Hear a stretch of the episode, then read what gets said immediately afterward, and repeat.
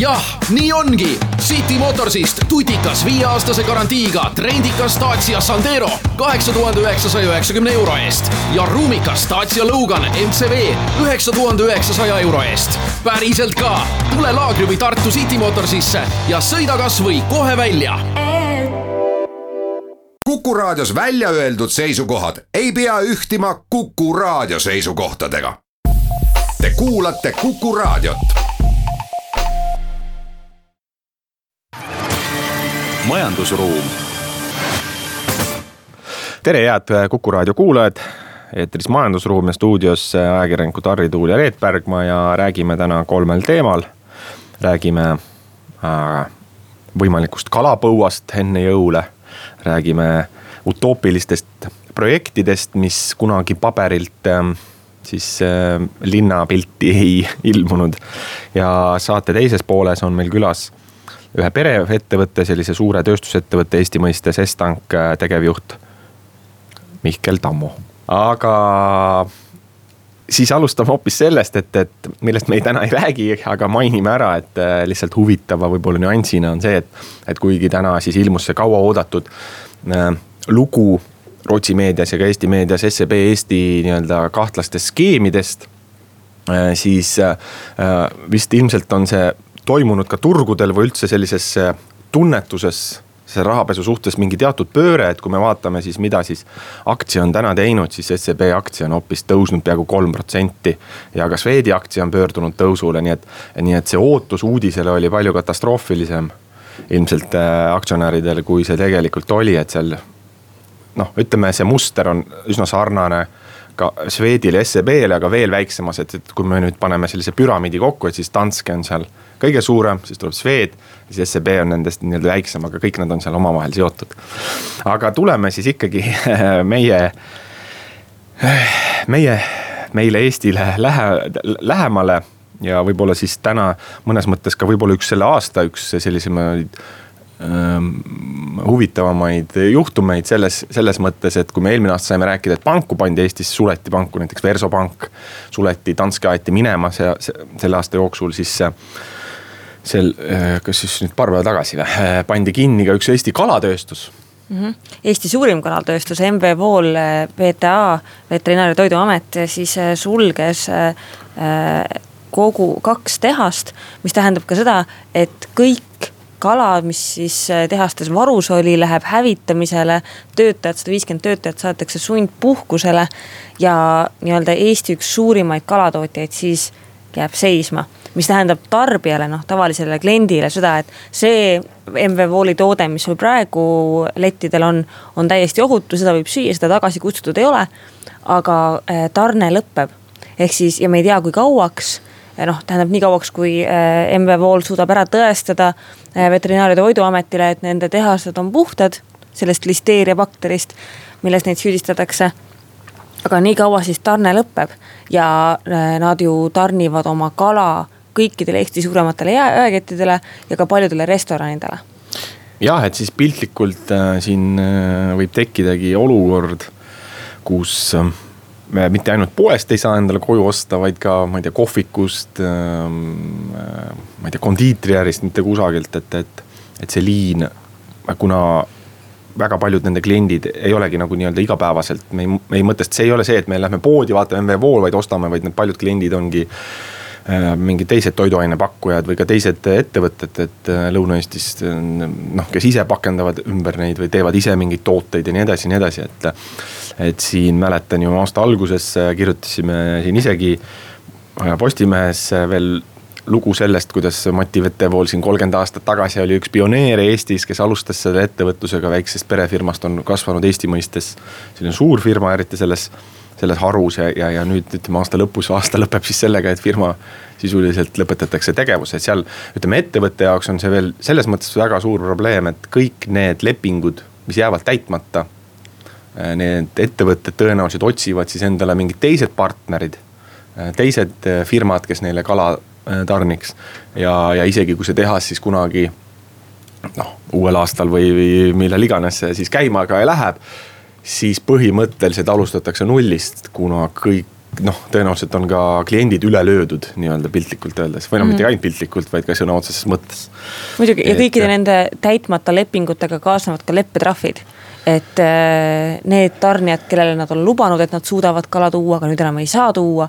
noh, need võivad neid trahvida, aga muidugi suurima kuluna siin paarimiljonilise kuluna on vetevool ehk siis ettevõtte juht äh, näinud seda, et kõik kala, mis seal praegu on olemas, läheb hävitamisele.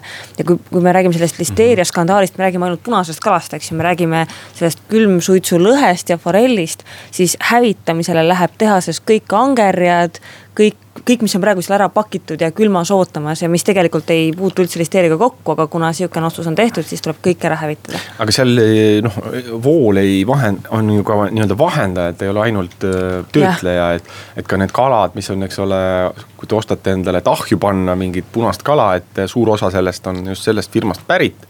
aga teatavasti siis äh, noh, ütleme küpsetatud toodetel ei ole listeeriat, et selles mm -hmm. mõttes küpsetatud tooteid saab süüa, ütleme noh, niikuinii oleks saanud, et, et väga spetsiifiliselt tegelikult vähemalt alguses puudutaski see kogu see, see listeeria puhang just teatud sorti toodet, et see oli külm suitsu siis lõhe või mhm. ühesõnaga punane kala.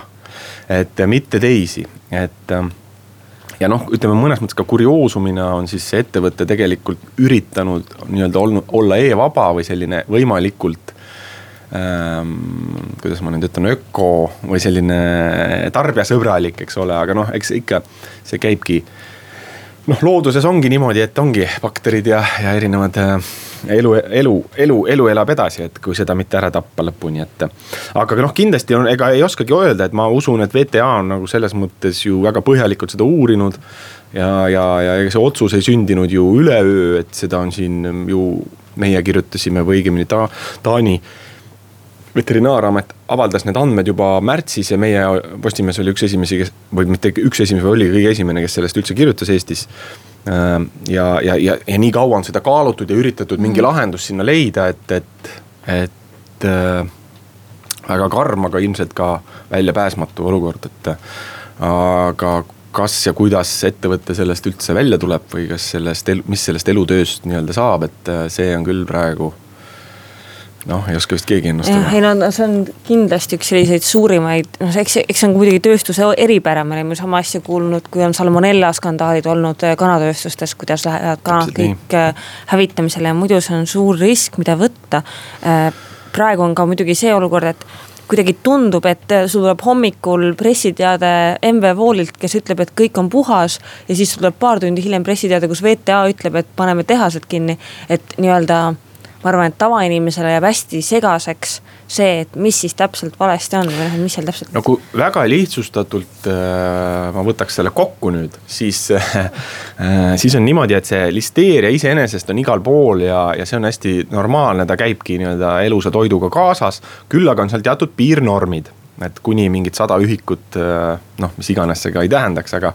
ja, ja, ja nende ühi- ja siis on kusagil on leitud, et neid on ka ületatud ja tegelikult tavaliselt kui seda ei ületa, seda näitu, siis saadet, siis võib oma toodet turustada. aga siis MV Woolile on siis pandud selline nõue, et, et neil peab olema null, täiesti mm -hmm. nullis mm. -hmm. ja, ja teine asi on, et eks see bakteritüvi või see jah, bakteritüvi on olnud selline, just seda bakteritüve nagu kuidagi kardetakse rohkem mm. -hmm. aga igal juhul, et vaatame, mis edasi saab, et teeme nüüd väikese pausi. majandusruum jätkame saatega, stuudios ajakirjanikud Harri Tuul ja Reet Pärgma ja sel nädalal tuli siis äh, uudis, et äh, kuskil kümme aastat tagasi külmutatud projekt äh,, hipodroomi kolimine ja uue sellise elamu ja ärikvartali rajamine saab taas hoo sisse. et peaks juba mõne aasta pärast kerkima sinna näiteks äh, Elisa uus peakontor, täpselt üle tee seal asub ka näiteks Telia ja ja vist oli Pipedrive või, või oli see mingi teine firma. igatahes äh, selline äh, huvitav tehnoloogia äh,, tehnoloogiasektor, aga noh, äh, ühesõnaga kogu see kvartal äh,, mis, mis mille detailplaneering on juba tehtud kuskil kümmekond aastat tagasi või isegi rohkem, et ja mida veab võib-olla kõige rohkem on tuntud Jaan Manitski projektina, et on siis seisnud siin tükk aega, eks kriis tuli peale.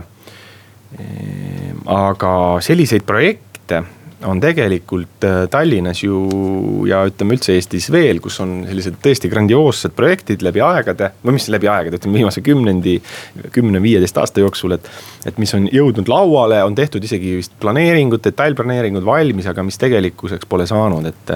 Reet, sa oled neid uurinud ja vaadanud, et äh, too mõne, too mõni näide. jah, et neid näiteid on tõesti palju, et eh, need detailplaneeringud või need menetlemised on jäänud erinevatel põhjustel katki, et nagu siin hipodroomil ühel hetkel jäi detailplaneeringu menetlus katki äh, selle altkäemaksu skandaali tõttu, et äh, linnavalitsuse liikmele anti altkäemaksu, et seda detailplaneeringut kehtestada, siis jäi katki, aga on ka teisi põhjuseid olnud.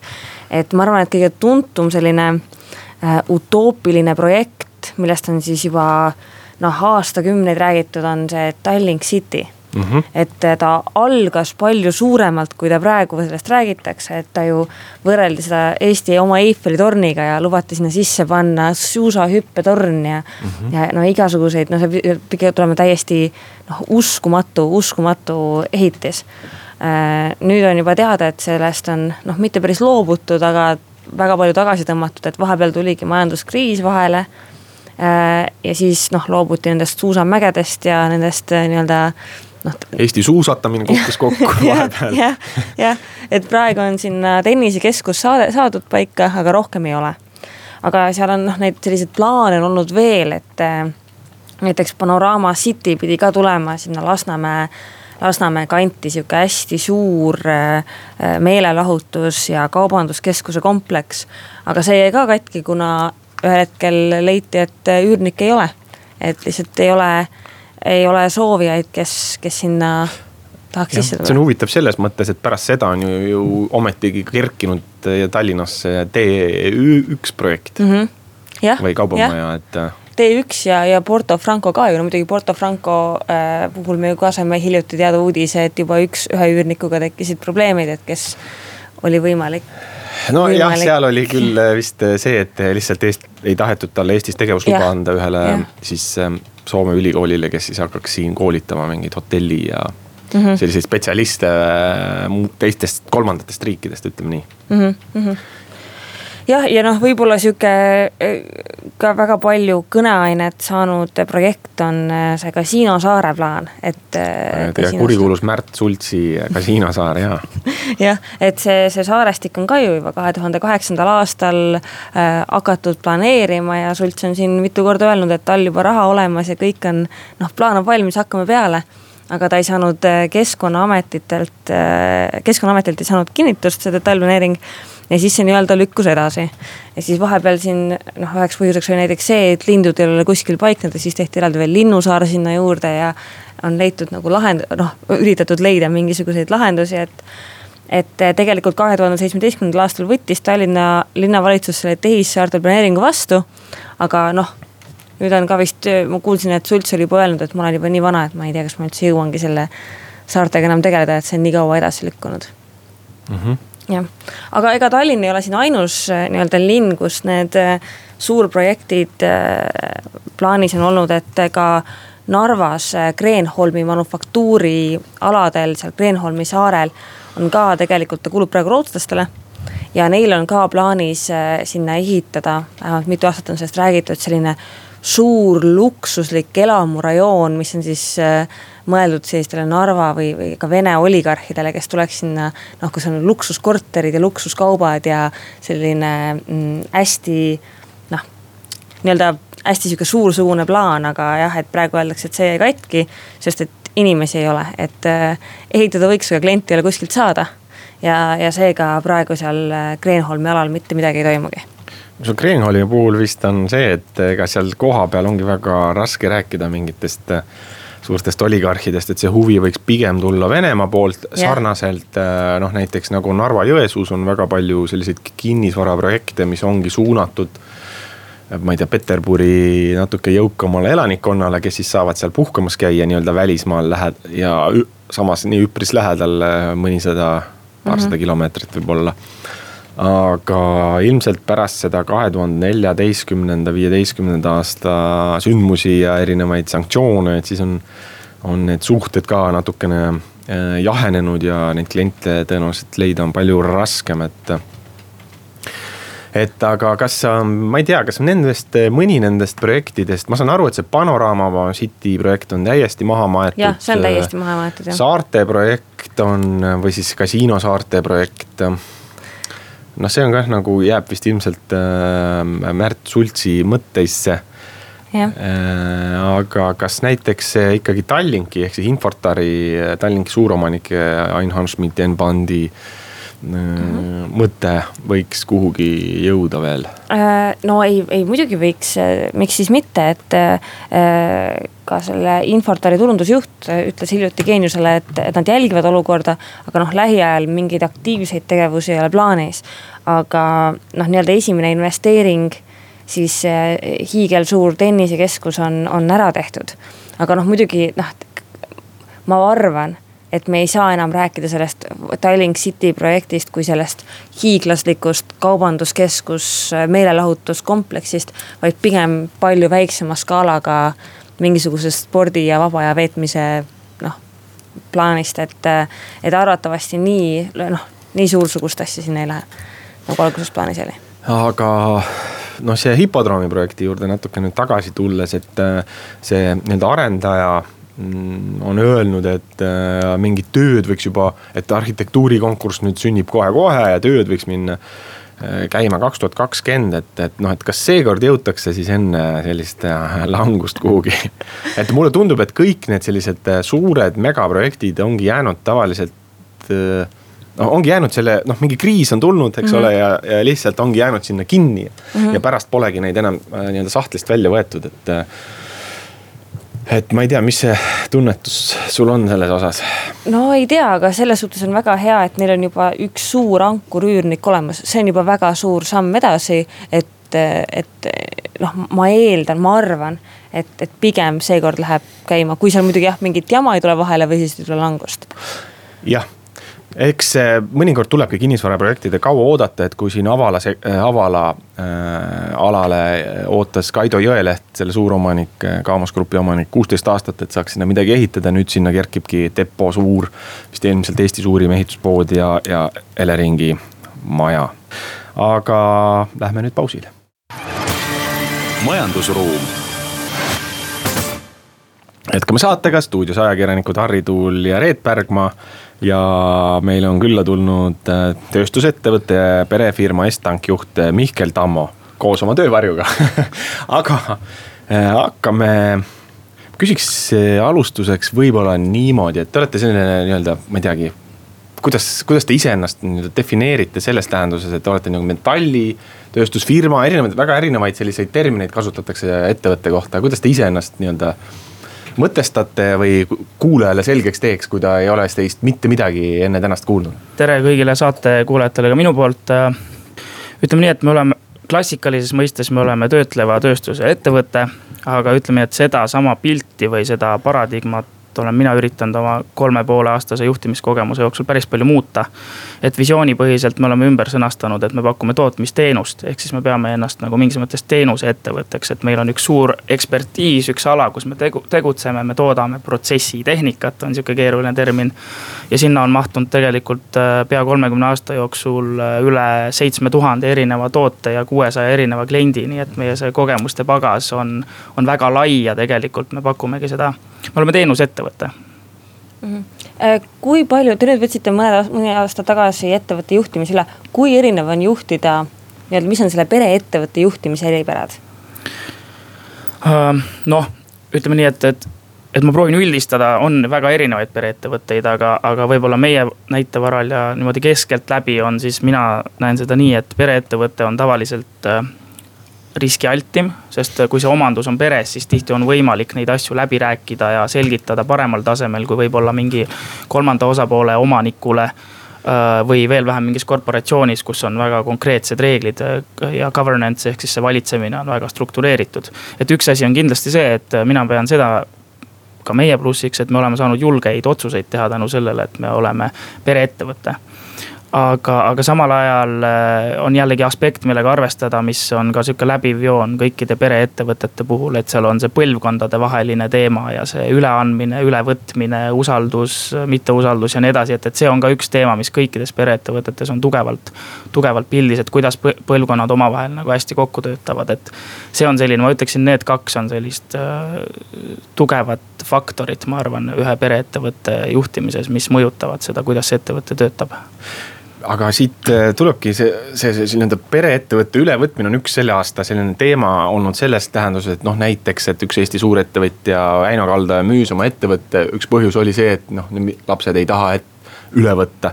et teie, teie ettevõttes on täpselt vastupidi, et äh, üsna noorelt võtsite juba asja üles. et noh, eeldaks, et tänapäeval noor läheb, teeb mingi idufirma või mingisuguse selle, et võtsite üsna sellise suure mastaapse see aasta vist kolmekümne miljonilise käibega ettevõtte üle, et kuidas see otsus sündis või mis selle tagamaad on? Äh, ütleme nii, et üldistatult ma võib-olla alustaks sellest, et põlvkonnavahetuse vajadusest olen ma rääkinud sellest ajast, kui ma ise juhiks sain. et ma arvan, väga paljudele ettevõtetele tuleks see nagu kasuks, sellepärast et meil on väga palju nii-öelda vanema põlvkonna juhte, kes selles uues tänapäeva maailmas ei oska enam väga hästi toime tulla. aga, aga, aga meie näitena siis, et ma ise teadsin umbes nii viieteistaastasest saati, et, et minust saab kunagi juht ja ma olen seda teekonda nagu läbinud, et teinud nii-öelda eesrindetööd ja praktiseerinud oma firmade, oma asjadega. aga, aga kõik see ikkagi ma alati lootsin, väljendub ka millegi nagu ambitsiooni tasemele vastava juhtimises.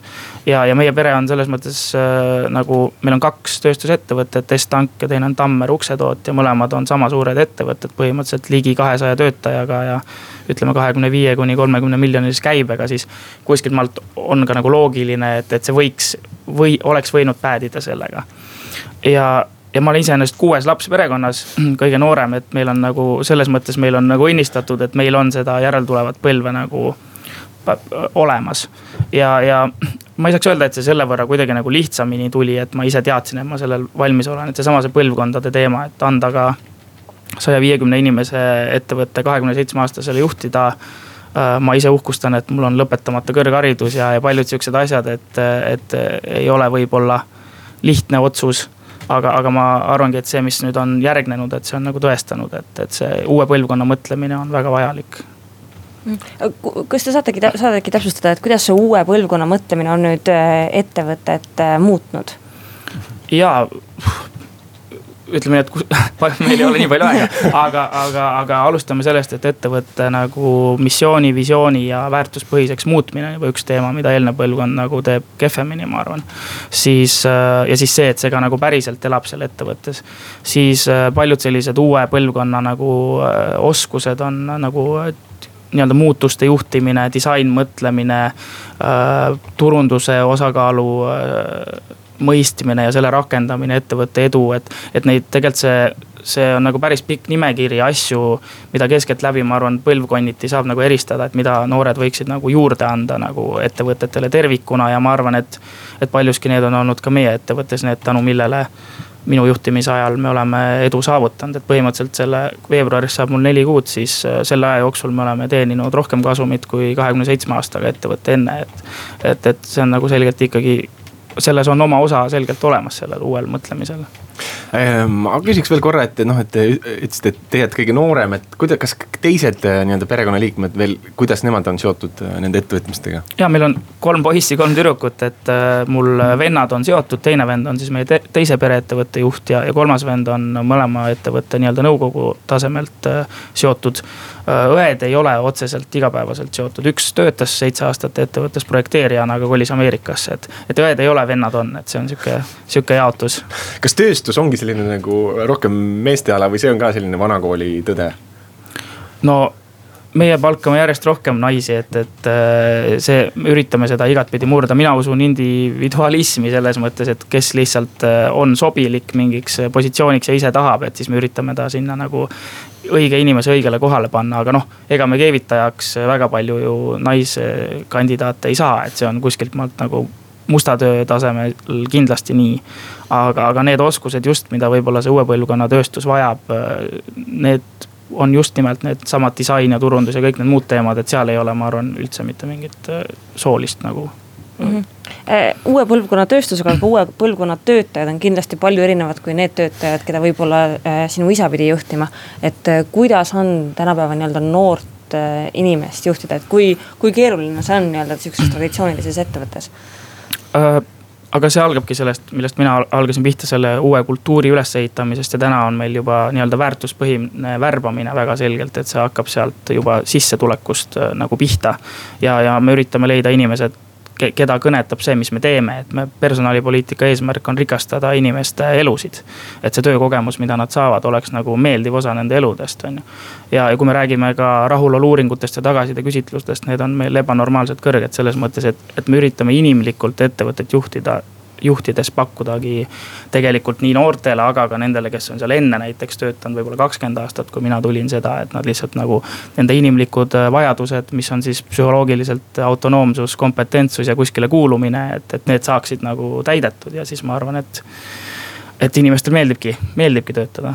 aga kas sa oskad mõne konkreetse näite tuua, et, et mis on selline asi, mida te pakute siis töötajatele, mida võib-olla varem ei pakutud uh,? Ütleme, ma arvan, et see väärtuspõhisus on juba suur pakkumine iseeneses, et meil on näiteks iga aasta ühe konkreetse väärtuse ümber toimuvad kampaaniad äh, äh, meil on missioonipäevad, meil on palju rohkem üritusi, palju võib-olla mõtestatumad üritused, mitte et teeme mingi jõulupeo, vaid meil on nagu kõik on nagu seotud selle tööl käimise kogemusega, siis meil on näiteks psühholoogiline nõustamine, mis on Eestis veel võrdlemisi lapsekingadest niimoodi, et tööandjad seda pakuks, on ju, et seal on, seal on päris palju selliseid selliseid väikseid asju, mis äh, seda solidaarsust ja ühtekuuluvust nagu võimendavad, näiteks ka solidaarne boonussüsteem, et ei ole kuidagi, et projektijuhtidel või müügil, vaid kõigil on ühtsed, ühtsetel alustel minust kuni kõige, ma ei tea, lihtsamat tööd tegema tööliseni välja, et seal on väga palju, mis on just seostub selle inimeseks olemisega. ja, ja selle inimeste vajaduste nagu täitmisega. kuidas see, ma ei tea, tööjõu voolavust on mõjutanud või võib-olla see ei olegi olnud teile probleemiks? ütleme nii, et äh, neid ei saa nagu väga üks-üheselt võtta, me näeme nagu seda, et, et need, kes on ka uued inimesed, nende puhul see nii-öelda rahulolu on veel nagu eriti kõrge. on ka teiste puhul, aga seal tuleb see eriti välja, nii et kes on nagu ise nagu valinud selle keskkonna mm, -hmm. kus nad tulevad. aga kuskilt maalt iga kultuurimuutusega käib kaasas ka mingisugune verevahetus, et, et eks see on ka meil aset leidnud siin ja ma näen, et täna see protsess on nagu läbi, läbinud ennast, et selles suhtes mm. -hmm ma ütleks, et pigem just vaadates nende uute inimeste valguses, kes on ennast sellesse sisse ostnud, siis meil põhimõtteliselt väga ei ole kultuuri või seda äh, kaadrivoolavust jah, et just. aga inimesi, ütleme, räägitakse, et praegu on väga pingelised ajad tööjõuturul, et kuidas, mis teie mulje on või kas see teid segab äh,? Ütleme nii, et meie strateegia ongi selles tööjõupuuduse valguses, et me nagu üritame ennast isoleerida sellest probleemist sellega, et luua nii tugev tööandja bränd ja hea keskkond, kus tööl käia, et. terve Eesti peale nagu meile vajaminev tööjõud on selgelt olemas ja me näeme seda ka uutes värbamistes, et meil on lihtne leida inimesi, et kes ei ole mujal rahul selle oma töökeskkonnaga, nad väga tahavad meile tööle tulla. et me tahame lihtsalt nagu eristuda positiivselt tööandjana, et me näeme, et me ei saa suurt pilti mõjutada, et loomulikult oleks tore, kui Eestis elaks miljoni asemel kümme miljonit või kui tuleks töö, võõrtööjõudu piisavalt peale, aga me näeme, et seda me ei saa mõjutada. siis me mõjutame oma töökogemust. aga teeme nüüd väikese pausi. majandusruum jätkame saatega, stuudios ajakirjanikud Harri Tuul ja Reet Bergman ning meil on külas äh, tööstusettevõtte Estank äh, juht Mihkel Tammo. no töö, räägime tööstusest, mis roll üldse Eestis tööstusel on, et kas tal on tulevikku Eestis, et töö räägitakse, Eesti on liiga väike, et selliseid suuri tööstusi üleval pidada see on jälle väga, väga suur, väga laetud küsimus. Äh, mina arvan, et Eesti tervikuna peaks ka tööstuses fokusseerima ennast millelegi. Et me üritame praegu nagu natuke kõike teha ja ma ei usu, et see on hea valik nii väikse rahvaarvuga riigile nagu, nagu meie. aga, aga tööstusel nagu igas riigis ma usun, et on nagu kandev roll, kõik teavad, et see loob töökohti nagu teenuste sektorisse ja, ja igale poole mujale. et, et, et jah, et absoluutselt äh, tööstusel on Eestis nagu väga oluline, oluline positsioon, aga ma arvan, et tööstus on pikalt olnud nagu alahinnatud või alavääristatud, et. et kui eelmisel aastal oli tore, et kui olid Eesti ettevõtlusauhindade jagamised, siis peaaegu kõik auhinnad said tööstusettevõtted, siis ma tean, et kuskil tööstus sisesektoris see lõi ka laineid, et. me oleme harjunud, et me oleme nagu täiesti tähtsusetud, aga. aga nüüd neid kuidagi tuuakse esile, et ehk on algust nagu uue uue tõusuga või ma ise loodan. kas on mingi, võib-olla ongi mingi pööre ka Eesti tööstusettevõtetele, et hoopis just teistsugune mõtlemine, ütleme teie, eks ole, aga näiteks teie ettevõte on üks noh, teistsuguse mõttemaga, kui mõelda nagu Cleveronile, see on ka sihuke tegelikult. noh, ühelt poolt on nagu tehnoloogiaettevõte, aga tegelikult nad teevad, teevad, eks ole, neid noh, on ka tööstusettevõte, et, et mingisugune nihe on nagu toimumas kogu turul.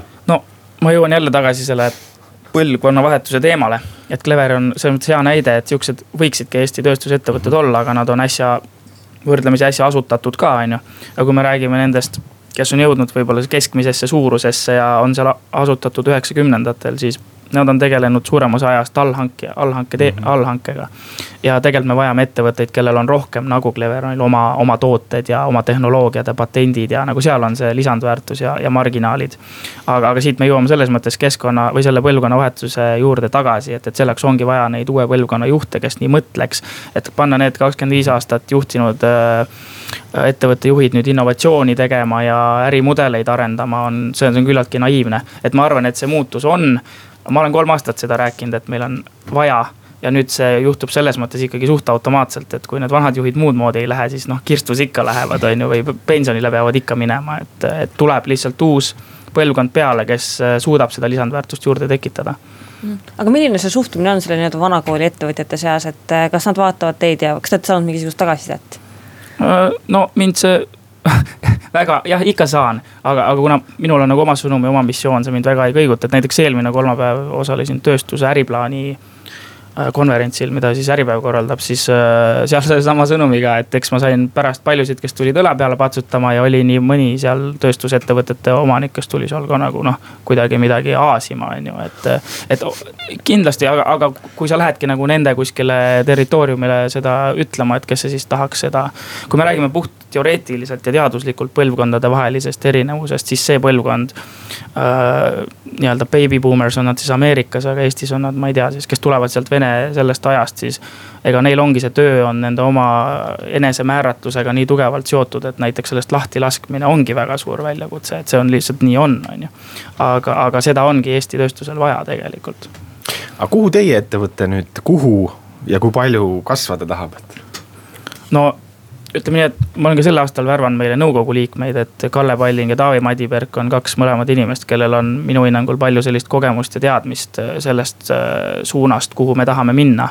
et seal on palju nagu just neid samu, et äh, oma tooted ja, ja kõik see muu nagu traditsiooniline väärtusahelas kõrgemale ronimine, aga seal on ka palju sellist horisontaalset äh, ärimudeli äh, laiendust, et, äh, et, et just nagu nendel poolt me üritame ka seda strateegilist nõu sisse võtta. et noh, numbritest mina arvan, et aastaks kakskümmend seitse me tahaks olla mitte kolmekümne, vaid saja miljoni ettevõte ja, ja, ja noh, see on päris ambitsioonikas eesmärk, aga ma näen, et meil on juba päris palju ideesid, kuidas sinna jõuda tegelikult ka. aga turgude mõttes, et maailmas, mis no meil on see hea asi, et meil on tegelikult, ongi globaalne mängumaa.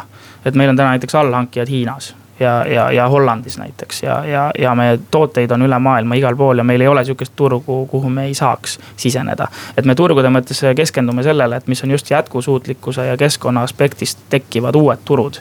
Ja seal võib-olla me tahakski ka seda tootearendust teha, et meil oleks oma toode nendele turgudele pakkuda. kus ei ole need marginaalid nii-öelda veel ära küpsenud ja ära võisteldud ja, ja olla siis oma väärtuspakkumisega seal uutel turgudel nagu ees, eesmineja. et see on võib-olla selline üldine üldine plaan ma küsiks võib-olla laiemalt ka, et siin viimasel ajal on palju juttu äh, majanduskeskkonnast ja on tulnud juttu maksudebatist, et äh, Eestis võiks hakata ümber vaatama neid olemasolevaid makse, et mis te sellest arvate, et kas, kas tuleks midagi ümber vaadata ja kui, siis mida kaaluda uh,? võib-olla selles osas ma väga pädev ei ole, ma pigem sihuke liberaalse vaate, vaatega inimene, et ma tahaks, et riik nagu võimalikult Äh, vähe ümberkorraldusi teeks. Äh, aga, aga noh, kui me räägime näiteks praegu diisliaktsiisi langetamisest, mis on minu hinnangul vist teemal päevakajaline, siis kindlasti seda ei peaks toetama, et seesama, et see ei ole selle jätkusuutlikkuse ja maailma suunaga nagu kooskõlas, et. ja kui valitsus siin äsja kaotas selle ressursitõhususe meetme ära, siis äh, see on jällegi vastusuunas, vastuvoolu ujumine, et kui kogu maailm räägib sellest, et see jätkusuutlikkuse teema tuleb peale, siis just nagu võib-olla subsiidiumitega natukene. Neid investeeringuid ressursitõhususse ja, ja, ja jätkusuutlikkusse ja sellistesse valdkondadesse võiks nagu riik siis positiivselt nagu mõjutada et nagu, et mingeid uusi makse juurde teha, mm, ma ei pea ennast liiga pädevaks, et kohe nagu oskaks nagu midagi öelda. aga küsin ametiühingute kohta, et, et noh, ma kuidagi trend on selline, et need uuemad ettevõtted, uue mõtlemisega inimesed, seal nagu ei olegi neid noh, vähemalt jääb mulje, et ei olegi ametiühinguid vaja, et ettevõtted ise teadvustavad endale sellest inimesest, noh inimese vaadet, et. kas ametiühingud on ka natukene selline nagu vanakooli, vanakooli noh, selline järelm või selline mul on nagu väga hea meel, et Eestis vist ikkagi tervikuna ka ametiühingute jõud on väga nõrk, et seda võib nagu tööandjana pidada nagu väga provokatiivseks, aga, aga sel aastal ma käisin Hispaanias koolis äh, ennast täiendamas ja seal oli viisteist eri rahvust ja see tuli jutuks ja näiteks Saksamaal ja kuskil Soomes ja noh Saksamaal mulle inimene ütles, et tal on nagu tõeliselt ebakompetentne inimene, aga ta lihtsalt ei saa teda lahti lasta, sellepärast et tulevad mhm. ametiühingud ja see, see, ta ütles, ei, ei, see ei ole võimalik lihtsalt, ma ei saa seda inimest. noh, aga see on siis nagu hea, kui sul on selline jõud, kes eh, sa ei saa oma organisatsiooni parendada, sest see, see lihtsalt, see jõud on taga. et, et ma ei tea, mina ei ole oma ajal Eestis seda, mul ei ole mitte ühtegi kokkupuudet ametiühingutega, võib-olla meil siis on nagu piisavalt normaalne ettevõte, et me ei anna selleks ka kuidagi põhjust, aga aga, aga mul on hea meel, et see, et see nii on. Aga mida ütleme, üks tööstur äh, äh, näiteks valitsuselt üldse ootab, et või on see üldse olema parem või näiteks oleks kõige parem, kui nad ei segaks? no ma olen siin kõvasti loosungeid visanud, et meil räägitakse e-Eestist, aga mina tahaks nagu seda rohe-Eestit, et meie oleme oma ettevõtte strateegia ja.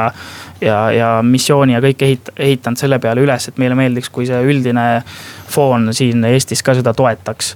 no praegult ei ole seda mitte kuskilt näha, aga, järjest rohkem, kuna see globaalselt on rohkem laual, siis kardetakse, et kuskilt EU-st hakatakse neid asju peale suruma siia, siis hakatakse vähemalt midagi rääkima ja muutma, on ju. et mida oodata, siis mina ikkagi ootan, et päriselt jõutaks tegudeni, et, et paar-kolm aastat tagasi enne valimisi ma rääkisin nii Kaja kui Jüriga sellest, et oleks sel teemal vaja, et tol hetkel see ei kõnetanud neid, on ju, nüüd nad räägivad ise ka sellest, aga ma arvan, me hakkame juba maha jääma, sest teised riigid Euroopas ka võtavad konkreetseid seadusi vastu, teevad neid eelnõusid, see on oluline, meil täna on see endiselt sihuke tagataustal, et mida ma ootan siis äh, jätkusuutlikkuse ja kogu selle kliima teemas, et nad soodustaksid selliste ettevõtete arengut Eestis, kes maksimeerivad oma pikaajalist eesmärki. aga aitäh, meil oli külas äh, tööstusettevõtte Estank juht Mihkel Tammo. stuudios olid ajakirjanikud Reet Pärgma ja Harri Tuul, kohtumiseni järgmisel nädalal. majandusruum